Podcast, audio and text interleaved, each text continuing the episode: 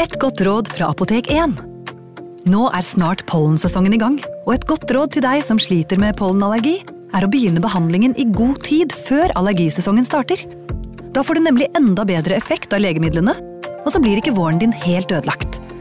Kom innom og få råd på ditt nærmeste Apotek 1, eller chat med oss på apotek1.no. Apotek 1 vår kunnskap, din trygghet.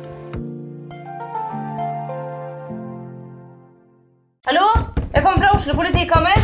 Ine Jansen er purk. Er du purk? The motherfucking bitch. Alt jeg vil, er å finne ut hva som skjedde med mannen min. Jon Carew. Er jeg sikta for noe? Iben Akeli. Det er du. Ole So, Lars Berrum og Big Daddy Karsten. Hvem sin side er du på, egentlig? Anette Hoff, Tone Danielsen, Kommer du fra Afrika? Jørnis Josef, Nesten. Kløfta. Trond Espen Seim, Det er synd å si det, men det var feil mann som døde. Purk. Premiere tirsdag på TV2 Play. Advarsel. I denne podkasten vil du høre historier basert på informasjon programlederne har funnet selv. Programlederne står ikke nødvendigvis inne for meninger og syn som fremstilles. Noen påstander kan avvike fra virkeligheten.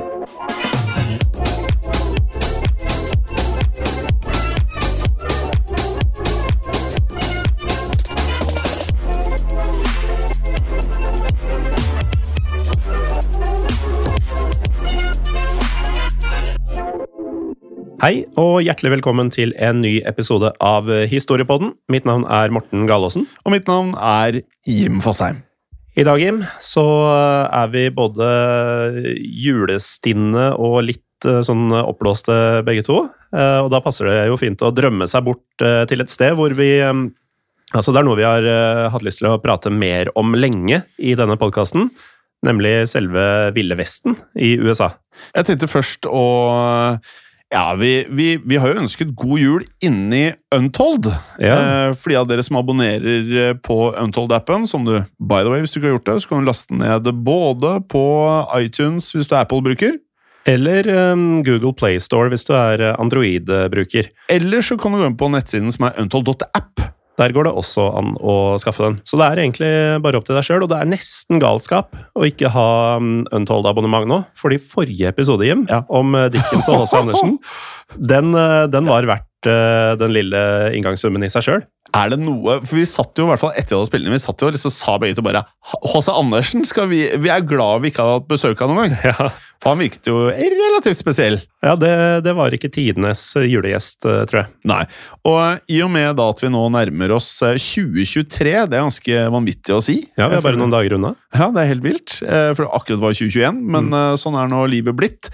Ehm, Så kan vi jo si at det er jo en fin tid å få seg abonnement i Untold på. Vi kjøpte jo årsabonnement, Ja. eh, og da får du to måneder gratis, eh, pluss de første 30 dagene som er gratis prøveabonnementsperiode. Ja. Så hvis du ikke har testa Untold, eh, last gjerne ned appen, og så kan du høre på oss i 30 dager uten at du må betale, i hvert fall. Ja, Og begynn da med forrige ukes episode Ja. av Historiepodden om H.C. Andersen og Charles Dickens. Som vi har da kalt H.C. Andersens merkelige besøk hos Charles Dickens. Og vi kan jo avsløre at Charles Dickens var ganske gira på å få H.C. Andersen ut av huset. Ja, og vi, vi tar jo ikke for hardt i når vi navngir ting.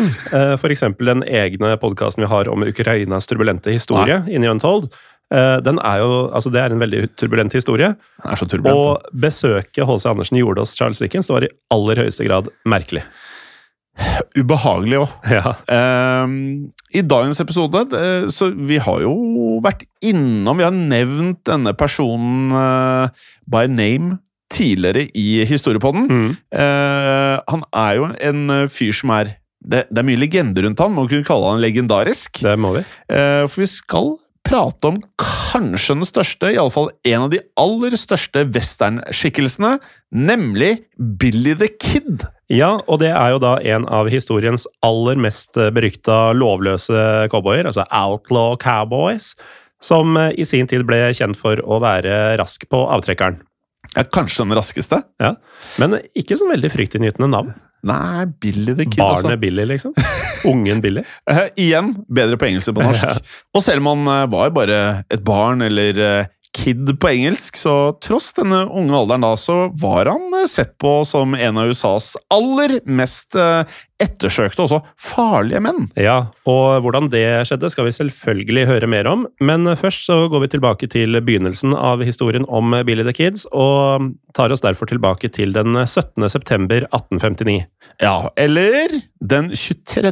november 1859, for ettersom eh, kildene ikke er helt samstemte, er det nemlig, som vi ofte eh, merker her i Storebånden, usikkert hvilken av disse datoene som eh, stemmer, og hvilken mm. av datoene som var Billes faktiske fødselsdag. Ja, det er jo drøye to måneder imellom her, men det er uansett høsten 1859 det er snakk om, og slik vi forstår det, så virker det mest sannsynlig at det er 17. september han ble født.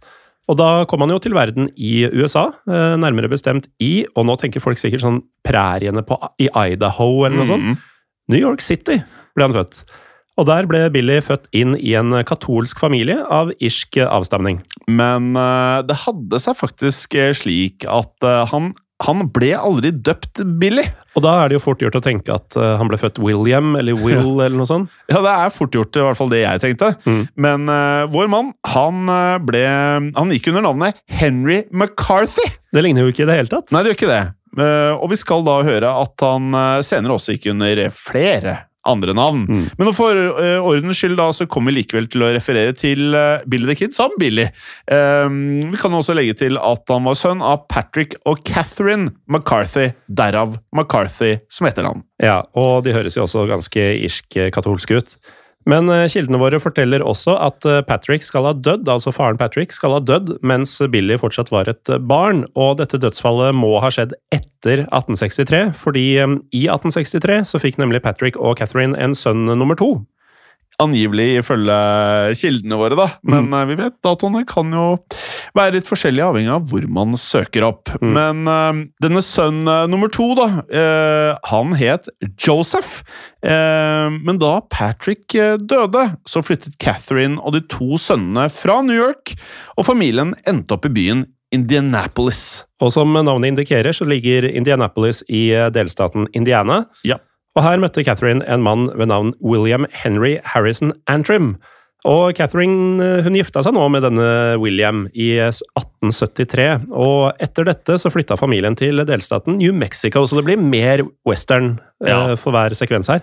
Og det føles mer riktig. Mm. Eh, og de bosatte seg da i byen. Bare hør på det navnet her! Silver City! Ja, Ja. Det er det du forventer deg! Ja, altså, dette er jo en tid hvor folk eh, valfarta til steder hvor det gikk gjetord om at man kunne finne f.eks. gull. gull. Sølv. Ja, og denne byen ble jo da, altså Silver City New Mexico ble jo da etablert i kjølvannet at man fant masse sølv i nærheten her. Ja, og det liker vi. Ja. Det er veldig westernete. Veldig beskrivende, som vi jo liker i historiepodden. Og det liker historiebøkene også. Mm.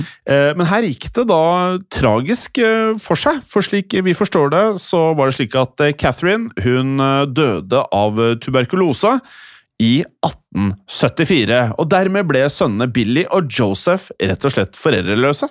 Ja, og det viste seg at William Antrim, altså denne nye mannen til Catherine, han var ikke interessert i å oppdra sønnene hennes. Og Derfor så forlot eh, William Antrim guttene etter at Catherine døde, og på dette tidspunktet så var Billy 15 år gammel. Og siden han nå måtte klare seg selv, da så Billy seg nødt til å ty til stjeling. Men først så flyttet han inn i et såkalt boarding house. Og vet du hva et boarding house er, Morten? Det høres jo kjent ut fra westernfilmene, men jeg plasserer det ikke sånn umiddelbart. Eh, jeg ville sagt noe sånn som et eh, pensjonat. Eh, et som da tilbyr kost og losji mot ikke de høyeste summene med penger. Mm. Nei.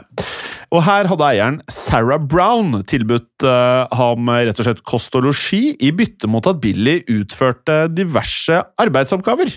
Ja, men eh, den 16. september 1875 så ble Billy likevel tatt i å stjele mat.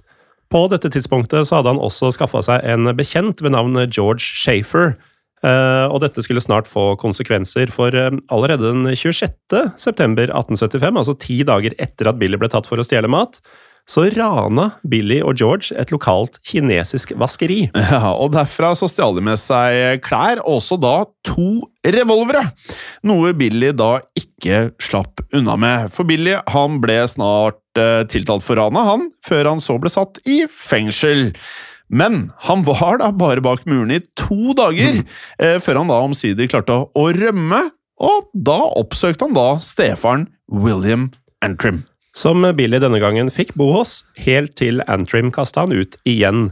Og Nøyaktig når dette skjedde, er eh, dessverre også uklart, men vi vet at Billy stjal både klær og skytevåpen fra William Antrim, og vi vet også at dette var siste gang at de to noensinne så hverandre. Ja, og vi kan jo også da legge til at uh, her er jo bare Billy the Kid i tenårene. Ja, han er vel 16? Ja, 16 år gammel, og uh, når vi var 16, var vi eh, kanskje ikke helt det samme livet. Jeg hadde ikke stjålet våpen ved minst to anledninger da jeg var 16. På ingen måte.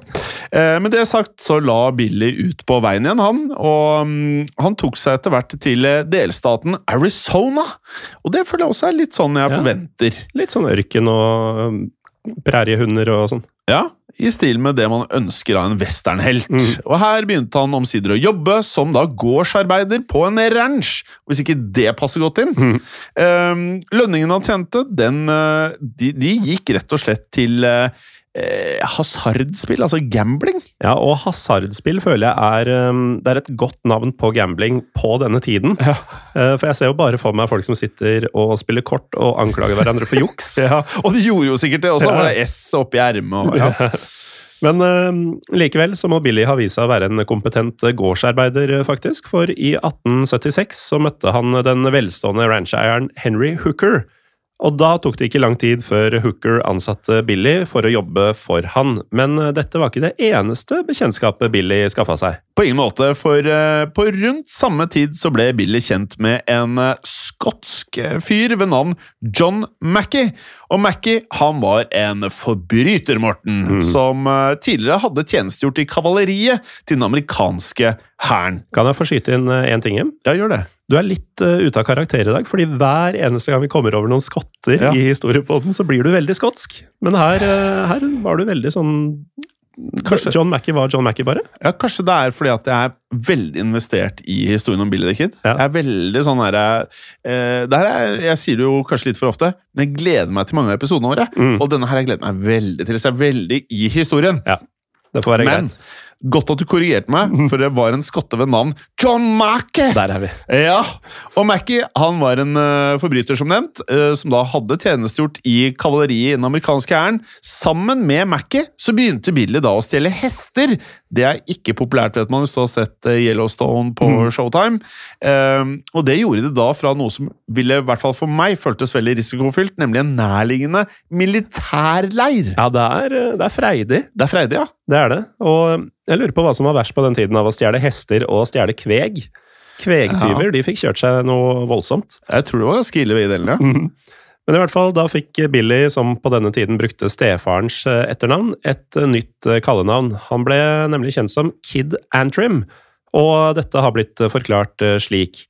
He became known as Kid Antrim because of his youth, Small build, clean shaven appearance and personality. Ja, men uh, nå må vi huske på at han er blitt uh, 17 år, uh, og han virket jo kanskje uskyldig. Ja, det er liksom Det, det er småkriminalitet relativt sett, foreløpig. Ja, men han skulle nå ta voldsomme steg i denne banen som han nå var på vei inn i, mm. for han skulle snart bli en drapsmann.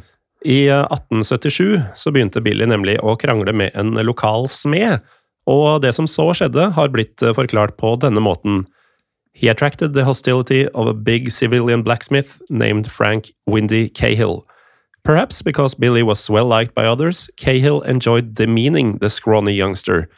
Og det skulle vise seg å være en tabbe fra Cahills eh, side. Om det var, hør på følgende. Cahill went too far when he called Billy a pimp. Billy responded by calling Cahill a son of a bitch, and the big blacksmith jumped him and easily threw him into the ground. Pinned to the floor by the stronger man, Billy apparently panicked. He pulled his pistol and shot Cahill, who died the next day. Jeg kan se det så levende for ja, meg. Når drittslenginga begynner der, og så um, hiver de seg på hverandre, og en revolver trekkes og greier. Og så må huske på, han er, eh, på tross av at han har fått legendestatus, han er 17 år gammel! Mm -hmm. ja. Og ifølge et vitne så skal Billy ikke ha hatt noe annet valg enn å skyte Cahill her.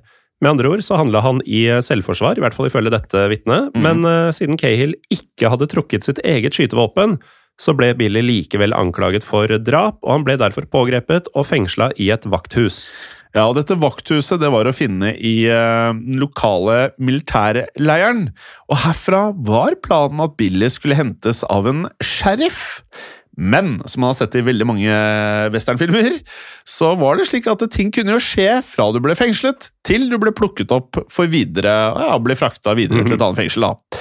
For før sheriffen ankom, så klarte Billy igjen å rømme, og da stjal han eh, en, nok en hest, før han da flyktet mot delstaten, og dette er jo veldig riktig, til New Mexico.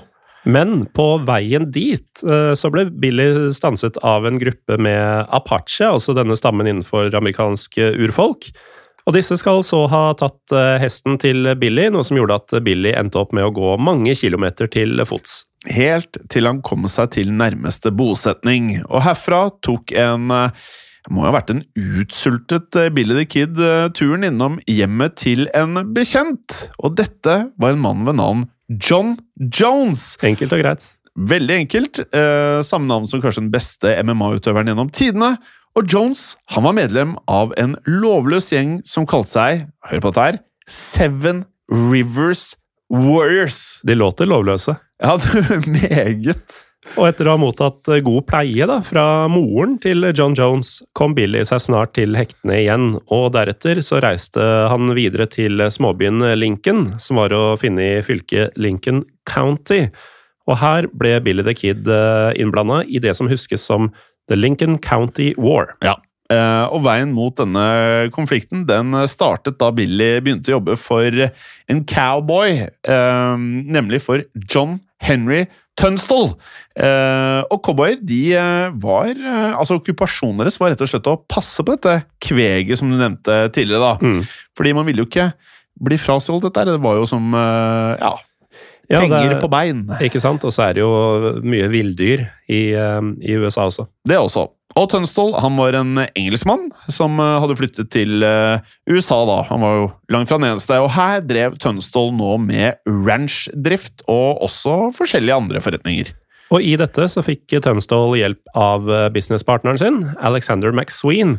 McSween var eh, på sin side fra Canada, og han var eh, for øvrig også advokaten til Tønsdal. Riktig, men da Tønsdal og McSween begynte å gjøre forretninger i Lincoln County, så skapte det seg en lang rekke med fiender. Og dette har blitt uh, forklart, Morten. Ja. Um, Tunstall and McSween were opponents of an alliance formed by Irish-American businessman Lawrence Murphy, James Dolan, and John Riley. The three men had wielded an economic and political hold over Lincoln County since the early 1870s, due in part to their ownership of a beef contract with nearby Fort Stanton and a dry goods store in the town of Lincoln. Ja, Med det sagt så startet eh, Billy nå å jobbe for Tunstall. Og vi er nå, bare for å sette litt i kontekst her, kommet til 1878. 19 år gammel. 19 år gammel, bare. Eh, og det var i løpet av nettopp dette tidsrommet at Billy tok eh, i bruk et eh, nytt navn. Vi nevnte jo tidligere, det var ikke bare Billy the Kid. Mm. han begynte nå nemlig å kalle seg William H. Bonnie. Og under dette navnet ble han nå blanda inn i konflikten mellom Tunstall, McSween og disse irsk-amerikanske forretningsrivalene deres. I eh, februar 1878 så eskalerte denne konflikten, og slik vi forstår det, så skyldte Alexander McSween 8000 dollar til eh, en av de nevnte rivalene sine, nemlig James Dolan. Og da kan jeg fortelle, Morten, at eh, 8000 av eh, datidens dollars, Mm. det er ikke 8000 dollars i dag. Nei, Jeg kan fortelle at det er da 2,5 millioner kroner, og det er en ganske høy gjeld. Det er en ganske høy gjeld, og um, når man ser på disse gamle westernfilmene, så ser du disse dusørplakatene, ikke sant? Ja. Og så er det en reward på 1000 dollar og sånn, og du tenker sånn, det var ikke så mye. Det var mye. Ja, det er mye. Og jeg skjønner godt at folk eh, da jakter på disse folka. Og siden Dolan da ikke hadde mottatt alle disse pengene, så tok han nå drastiske skritt mot McSween. Her fikk nemlig Dolan hjelp av den lokale sheriffen. Det som deretter skjedde, har eh, blitt eh, beskrevet også, Morten, på følgende vis. Dolan obtained a court order and asked Lincoln County Sheriff William J. Brady to attach nearly $40,000 worth of uh, John Tunstall's property and livestock. Tunstall put uh, William H. Bonney in charge of uh, nine prime horses and told him to relocate them to his ranch for safekeeping. Meanwhile, Sheriff Brady assembled a large posse to seize Tunstall's cattle. Uh, Denne William H. Bonney som ble nevnt her, er jo da navnet Billy the Kid brukte på denne tiden. Eh, la meg bare skyte inn Altså, Posse i denne betydningen er da ja, en slags eh, gruppe eller gjeng med bevæpnede Ikke godhjertede menn, Nei, kanskje. det, og, og det er jo litt brukt i dagens uh, gjengkultur i USA også, Ja. ordet posse. Faktisk. Mm. Um, og da at uh, 40 000 dollar fra 1878 i dag tilsvarer 12,6 millioner kroner. Ja, det er en voldsom inflasjon som har skjedd siden da. Ja, Det sier jo litt om eh, viktigheten i det oppdraget her, da. Mm. Og viktigheten da selvfølgelig av denne store summen med penger gjorde at John Tunstall bestemte seg for å, å gripe inn. Den 18. februar 1878 red derfor Tunstall personlig ut for å møte sheriff Brady. Og Brady hadde da sammen med en rekke bevæpna menn, eh, en posse om du vil, tatt seg inn på Tønsdals jordeiendommer, og her forsøkte Tønsdal nå å roe ned situasjonen, noe som skulle gå svært eh, dårlig, for eh, da Tønsdal dukka opp, så ble han omtrent umiddelbart skutt i brystet. Og Tønsdal falt dermed av hesten sin, og mens han lå på bakken, ble Tønsdal så drept av et skudd mot eh, bakhodet. Ja, og Drapet på John Tønsdal det ble gnisten som da utløste The Lincoln County War, som du nevnte tidligere. For det viste seg at Billy og de andre cowboyene som Tønsdal hadde ansatt, ikke bare fungerte som gårdsarbeidere, for de var i praksis også væpnede vakter da, som skulle beskytte Tønsdals uh, sine eiendommer. Ja, og dette fikk jo også konsekvenser, for uh, bare hør på det her. After Tunstall's death, Billy and several other former employees formed a vigilante group called The Regulators and swore revenge. Altså, The Regulators, Jim. Det er, eh, det er så enkelt og så hardt. Ja, det er veldig hardt. Um, videre så sies det følgende. On April 1st, 1878, regulators Jim French, Frank McNabb, John Middleton, uh, Fred Waite, Henry Newton Brown, and Billy the Kid ambushed Brady and four of his deputies on the main street of Lincoln as revenge for Tunstall's murder. They fired on the five men from behind a wall. Brady, aged 48, died of at least a dozen gunshot wounds. Deputy George W. Hinman was also fatally hit. Ja, det er heftig, altså. eh, og kort tid etter dette så sporet eh, The Regulators opp eh, to av de andre mennene som da hadde drept Tønsdal. Og disse to mennene het Dick Brewer og Andrew Buckshot Roberts.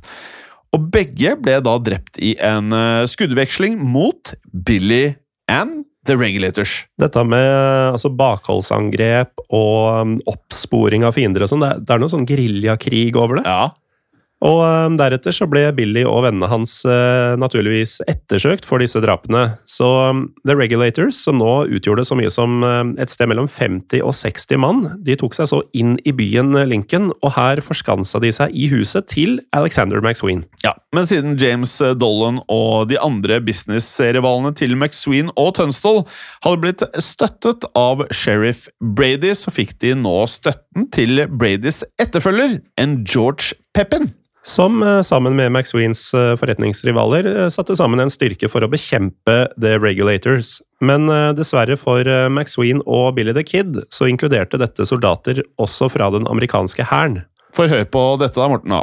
Pepin sent a request for assistance to Colonel Nathan Dudley, commandant of nearby Fort Stanton. In reply to Pepin, Dudley refused to intervene, but later arrived in Lincoln with troops. Og det skulle jo ikke gå upåaktet eh, hen, for eh, den 16. juli 1878 så brøt det ut en stor skuddveksling i Lincoln.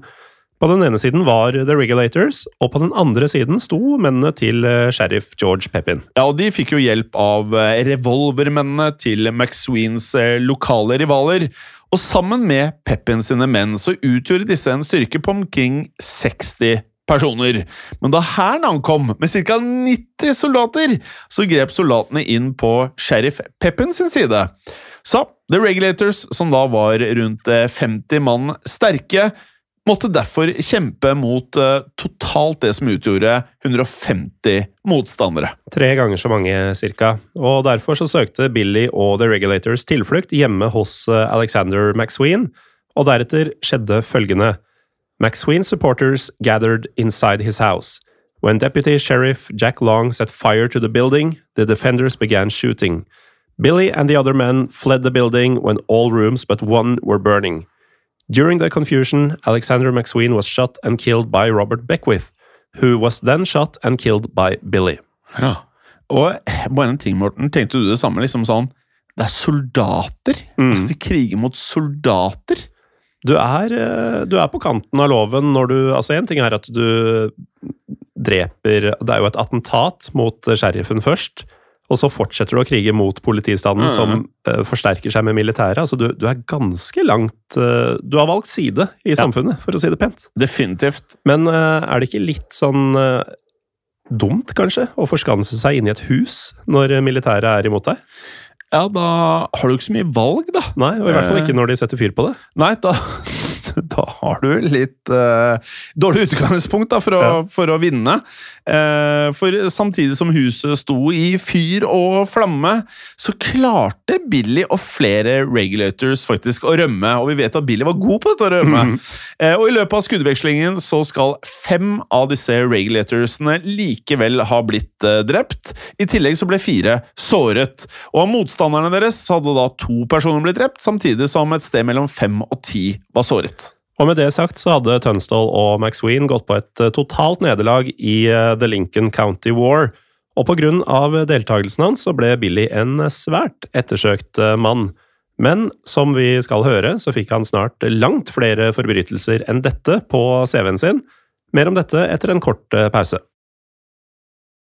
Velkommen tilbake. Før pausen Morten, så pratet vi om at Billy kommer til å bli ettersøkt for nye forbrytelser. Og det skulle ikke ta lang tid, for eh, allerede den 5. august 1878 så ble Billy og tre andre regulators som han hadde flykta med, anklaget for å ha skutt en lokal byråkrat i New Mexico.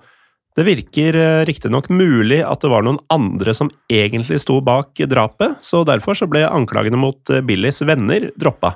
Dessverre for vår mann da, så ble anklagen mot han opprettholdt, og dermed forble Billy en ettersøkt eh, mann, han.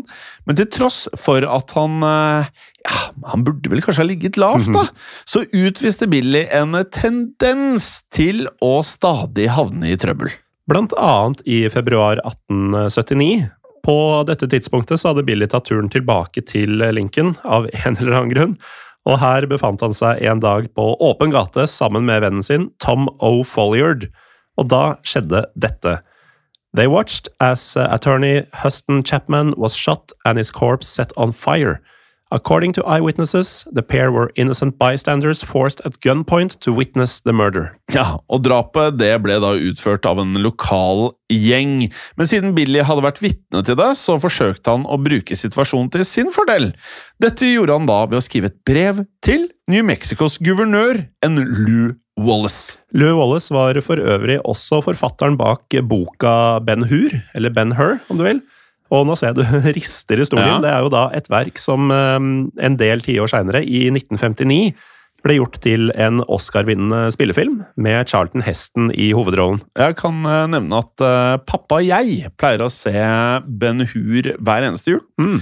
Så uh, dette her er en, uh, ikke en julefilm, men en film som jeg da sammen med Gudfaren 1 og 2 ser årlig med pappa. da. Det er rart åssen man eh, lager sine egne julegreier Ja. ut fra noe som egentlig ikke har noe med saken å gjøre. Det har bare blitt sånn over flere år. Ja, og det som også er, ikke sant, disse filmene her er veldig lange. Mhm. Det krever liksom at du har litt tid og ro i kroppen til å være med, og på den tiden så lagde man jo filmer som Hendelsene gikk jo ikke like fort. Nei. Og ikke like heftig klipping som i dag. Mm.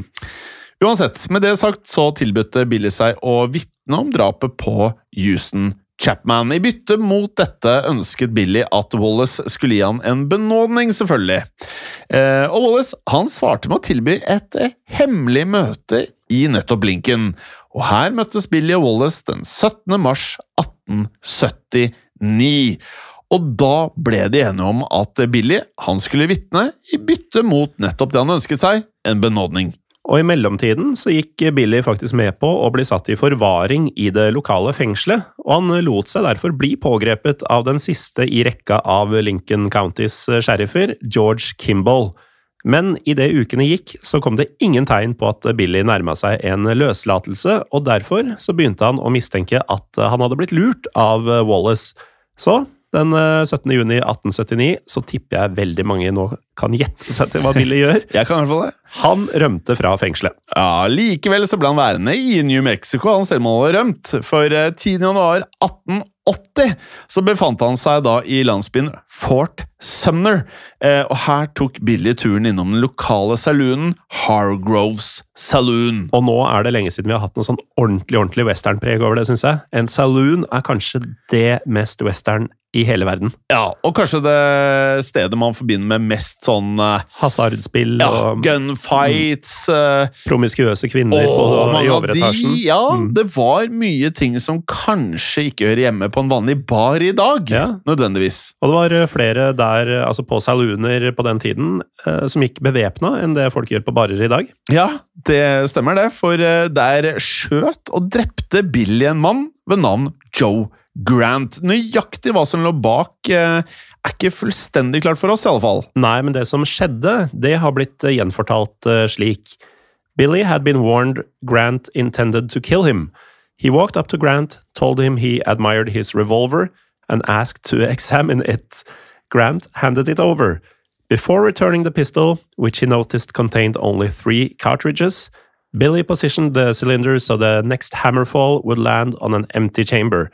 Grant suddenly pointed his pistol at Billy's face and pulled the trigger. When it failed to fire, Billy drew his own weapon and shot Grant in the head. Ja, Billy skal eh, senere ha sagt eh, følgende om eh, nettopp denne hendelsen. It was a game of two, and I got there first. Det er iskaldt. Det er iskaldt! Og altså, vi er i 1880. Uh, uavhengig av om man ble født i september eller november eh, 1859, så er han altså Han er i ferd med å fylle 21 år. Ja, han er unggutten. Ja, han Han er har, eh, altså I Norge så hadde han vært et år etter russetida. Ja. Eh, nettopp. Og med det sagt så fikk Billy nå enda mer oppmerksomhet fra myndighetene, selvfølgelig. Mm. For sammen med to venner ved navn Dave Rudabaugh og Billy Wilson, så havnet han derfor i en eh, skuddveksling med en Det er aldri en god idé, med en lokal sheriff. Nei, men han har jo etter hvert gode erfaringer med det. Ja, Han kommer seg unna, i hvert fall. Og igjen da, så var det denne lokale sheriffen som heller ikke lyktes med å fange Billy og vennene hans, men uh, her var det en annen mann som hadde langt større hell, og da må vi gi litt uh, kontekst og litt kjøtt på beina her. For det hadde seg nemlig slik at uh, sheriffene i Lincoln County de ble utnevnt gjennom valg, og da George Kimball stilte til gjenvalg i november 1880, så endte han opp med å tape valget med 179 mot 320 stemmer, altså ganske overlegent. Og seieren gikk da til Kimballs motstander, som var en mann ved navn Pat Garrett. Ja, og eh, jeg nevnte jo eh, eh, gudfaren tidligere. Mm. Der er det jo en senator med navnet Pat Garrett som fornærmer gudfaren så til de grader i starten av Gudfaren 2. Mm. Når da Al Pacino eh, ønsker seg litt eh, kasinolisenser i Las Vegas, Ja. og Pat Garrett eh, sier at han må betale to eller tre ganger prisen, eller noe sånt, Mm. det er ikke så god stemning rundt. Det er det ikke. Uansett, Garrett han inntrådte som ny sheriff den 1. januar 1881, og dermed ble en av arbeidsgavene hans å fange nettopp Billy, som nå har blitt kjent som den vi kjenner han som, nemlig Billy the Kid. Endelig. Endelig, og på dette tidspunktet så var Billy fortsatt ettersøkt for å ha deltatt i The Lincoln Country War. Allerede før han formelt inntrådte som sheriff, tok Garrett derfor opp jakten på Billy, og det gjorde han i spissen for en posse med bevæpnede menn. Som eh, klarte å spore opp Billy i Fort eh, Sumner, og her tok Gareths eh, posse Billy i et bakhold da Billy og fem kompiser red inn i byen. Da ble Billys tidligere nevnte venn Tom O'Folliard skutt og drept, men til Garretts eh, frustrasjon så unnslapp Billy nok en gang sammen med de fire andre, Og slik vi forstår det, så var det fortsatt flere tidligere regulators å finne blant eh, disse fire. Ja, det var det, men eh, den 13. desember, altså ikke helt ulikt måneden vi er i nå, Morten, nemlig i 1880, så utlyste guvernør Lou Wallace en dusør til den som fanget Billy. Og du søren var Du nevnte jo tidligere i episoden at eh, 1000 dollar, 500 dollar ikke var så mye. Dette var meget, skjønner du. Og dette var på 500 dollar. Ja, Altså, du, ja ja, dusøren var på en halv tusenlapp. Em, og dette utgjør da over 150 000 kroner i dag. Ja. Og dermed fortsatte Gareth jakten. Slik at 23. desember 1880 så fant Gareth Billy nok en gang. Og da hadde Billy fortsatt selskap av en av kameratene sine.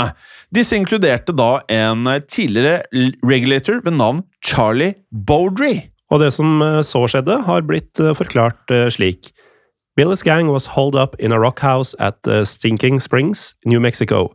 At dawn, Bowdry emerged to feed the horses and was riddled with rifle slugs by Garrett's posse, which had surrounded the building in the night. Baudry fell back into the doorway where, at the urging of Billy the Kid to take a few of them with you when you die, he made a brave exit. Unfortunately, Baudry was too weak and near death at that point and couldn't get his gun out of his holster. In the last seconds of his life, he stumbled and fell towards Garrett, repeating the phrase, I wish, I wish. Høres jo veldig ut som en scene fra en westernfilm, altså. Det gjør det. De, eh, de har tatt det fra et sted, de, Ja, de som har lagd disse filmene. Definitivt. Det er det vi merker i historiepodden her, at eh, mye av eh, det man har sett på film, det er jo forankra i historien. Ja, på samme måte som vi ofte mm, går gjennom disse historiene og tenker dette er jo en film. Vi gjør ofte det. Eh, og da det ble klart at huset var omringet, så skjønte Billy og resten av gjengen at de hadde et valg. De kunne enten ende opp som Charlie Bowdry, eller så kunne de overgi seg til Pat Garrett. Og valget falt på å overgi seg. Dermed ble Billy arrestert og ført til Fort Sumner i lenker, og deretter så ble han transportert til New Mexicos delstatshovedstad, Santa Fe, og derfra ble han sendt til byen Messia, hvor han ble stilt for retten, men før rettssaken så forsøkte Billy å sende flere brev til guvernør Wallace, Ja, og gjennom eh, brevene så ba Billy igjen om benådning. som han jo i utgangspunktet var lova fra tidligere. Ja, han var jo lovet det. Mm. Eh, likevel nektet Wallace å gripe inn, og etter en eh, to dager lang rettssak så ble Billy dermed dømt for drapet på sheriff William J. Brady. Og drapet på Brady var som nevnt eh, hevn for mordet på Billys arbeidsgiver John Tunstall. Og da mottok eh, Billy the Kid eh, dødsstraff, og henrettelsen den skulle skje i Lincoln. Derfor ble Billy nå sendt til eh, fengselet i Lincolns sheriffkontor, og planen var at han skulle henges den 13. mai 1881. Det har for øvrig blitt sagt at dommeren kunngjorde henrettelsesmetoden ved å si at Billy skulle henges fra halsen helt til han var dead, dead, dead. Tenk deg å høre det. Hvis du, hvor gammel er han nå? 21? Han eh, har fylt 21. Ja. Eh, Han er vel 21 og et halvt, eh, Ja. sånn cirka. Ja. Um, og dette her fikk visstnok uh, følgende svar ut av Billy the Kid. You can go to hell, hell, hell. Men som vi allerede har fått høre, så var Billy ikke spesielt fremmed for å rømme fra noe som helst, spesielt ikke fra fengsel. Og da Pat Garrett reiste fra sheriffkontoret for å utføre noen av de offisielle pliktene sine, så fikk Billy muligheten til å gjøre nettopp dette og rømme. For da Garrett dro, så etterlot han to vakter i fengselet. Den ene av disse førte så fem fanger ut for å spise middag, og Billy ble igjen eh, sammen med den andre vakta, og da skal Billy ha bedt om å bli ført ut, enten for å lufte seg eller for å gå på do, men eh, på veien inn igjen så skjedde følgende. Billy managed to uh, slip a wrist through his handcuffs. He punched the guard and shot him with a pistol that he either took from the guard or that a friend had hidden in the outhouse for him. Hearing the shot, the second guard ran back to the jail and Billy killed him with a blast from a shotgun he found in Garrett's office. Men det var jo ikke nok med det, for uh, hør på følgende. After murdering the guards, Billy seemed in no hurry to flee. He armed himself with two pistols and, according to one account, danced about the balcony, laughed and shouted as though he had uh, not a care on earth. After nearly an hour, Billy rode off. Det her er jo Det, det er nesten det kjedsommelige. Det høres ut som fiksjon. Ja, det er eh, nesten så man begynner å tenke at hvis dette var en film, så er det litt, eh, litt sånn klisjéprega Ja. latskapsskriveri. Definitivt, og det er nesten man ikke hadde trodd på det heller. Mm. Uansett, da nyheten om rømningen spredte seg, så kunngjorde guvernør Wallace dermed en ny dusør til den som fanget Billy. Og denne gangen så var jo dusøren eh, nok en gang den samme som sist. 500 dollar, nemlig rett over 150 000 kroner. Det er litt rart at den ikke stiger ganske betraktelig etter hvert. Her tenker jeg å doble han vel? Ja, jeg tenker jo det. Og igjen så var det jo Pat Garrett som viste seg å ha mest hell i jakta på Billy. For eh, om lag tre måneder etter at Billy rømte, så hørte Garrett rykter om at Billy var i nærheten av Altså, han går igjen på mange av de samme stedene eh, om igjen og om igjen. Jeg ville kanskje reist litt lenger hvis jeg var på rømmen. Men eh, Garrett hørte da rykter om at Billy var i nærheten av Fort Sumner. Og dermed satte Garrett av gårde sammen med to såkalte sheriffs deputies. Og planen var da å undersøke området rundt Fort Sumner. Der oppsøkte Garrett en mann ved navn Pete Maxwell, som da var sønn av den lokale rancheieren Lucin Maxwell. Ja, og Garrett visste nemlig at denne Pete Maxwell han var kjent som en venn av Billy the Kid. Den 14. juli ankom Garrett hjemmet til eh, Pete Maxwell, og her finnes det flere versjoner av det som deretter skjedde.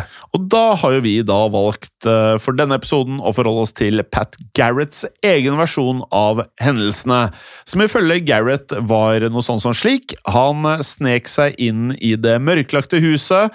Han tok seg så inn på soverommet til Pete Maxwell, og der fant han jo Pete. Som ble sittende i senga si mens Garrett begynte å stille han eh, spørsmål, og Pete eh, skal da ha innrømmet at Billy hadde vært på besøk eh, hos han.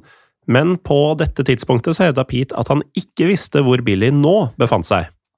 Men akkurat da dukket opp en eh, skyggelagt eh, skikkelse i soveromsdøren. I hånden hadde denne mannen en revolver og en slakterkniv. Og denne slakterkniven den hadde nylig blitt brukt til å skjære kjøtt med. Og deretter hørte Garrett at mannen i døra, på spansk, spurte hvem som var i rommet.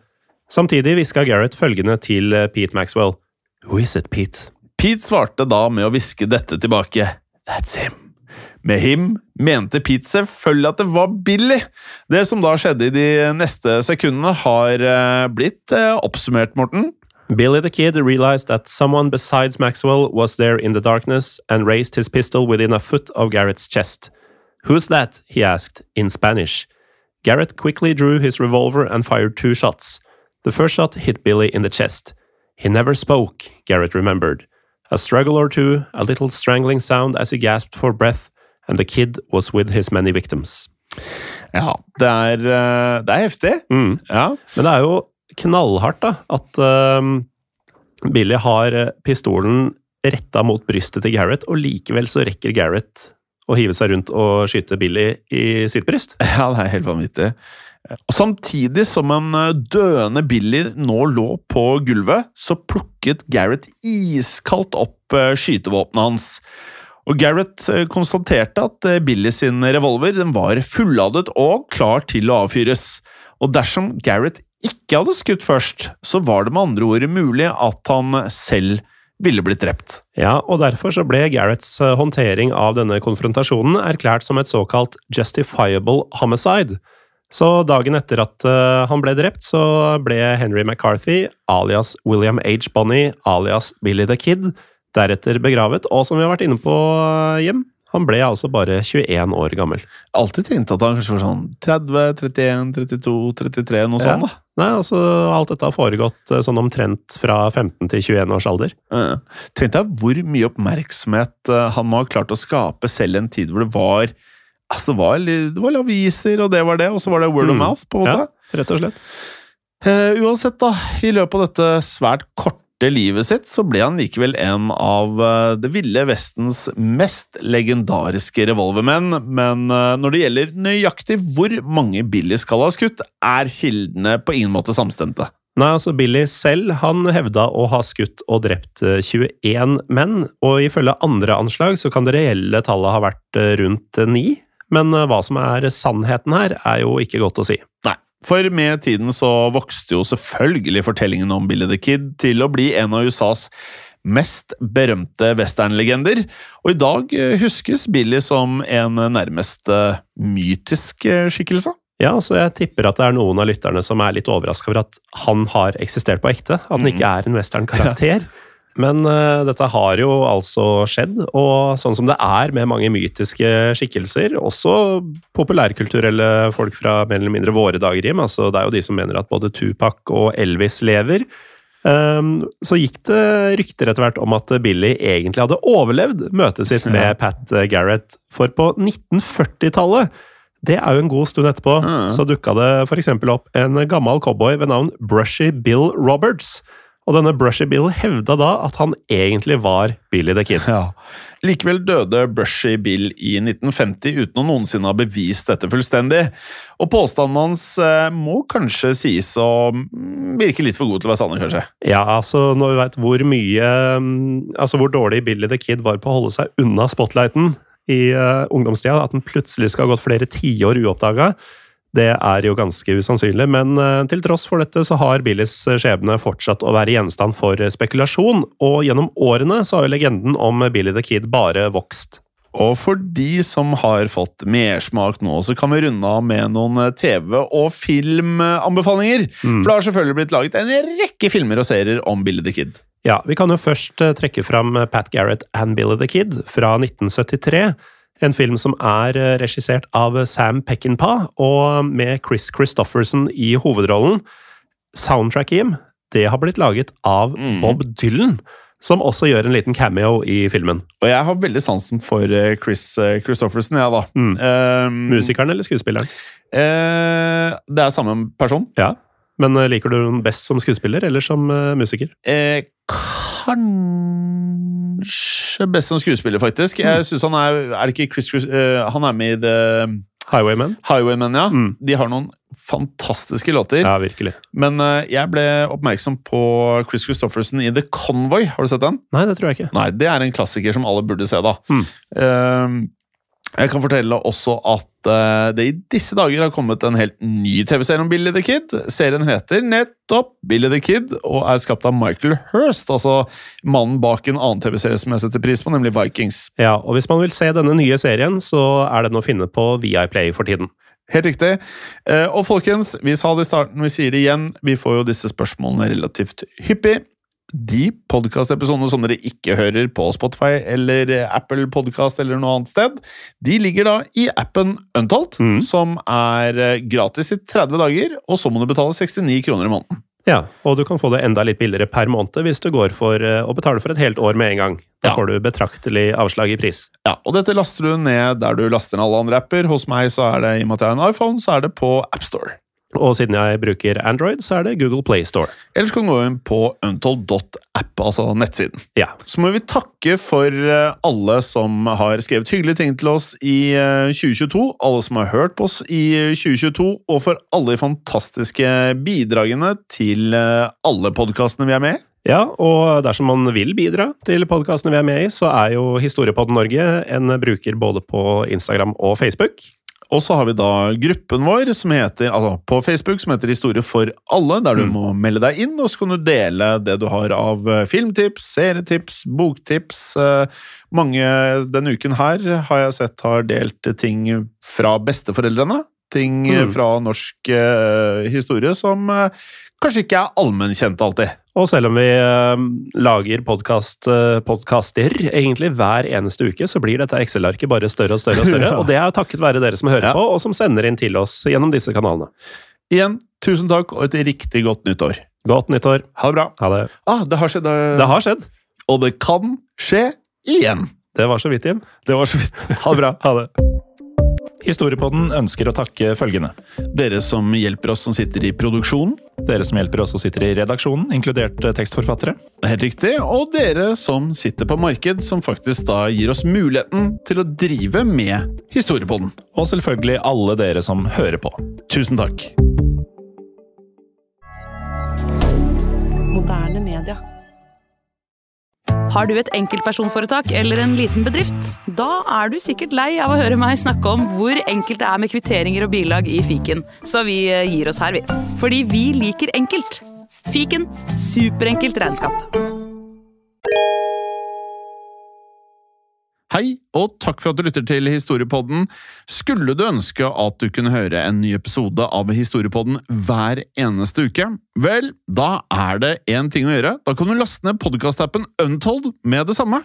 For i tillegg til ukentlige episoder av podkaster som Historiepodden andre verdenskrig, Henrettelsespodden og også Gangsterpodden, så får du masse annet reklamefritt og også eksklusivt innhold. Last ned Untold i AppStore eller Google Play og start din 30 dagers gratis prøveperiode allerede i dag.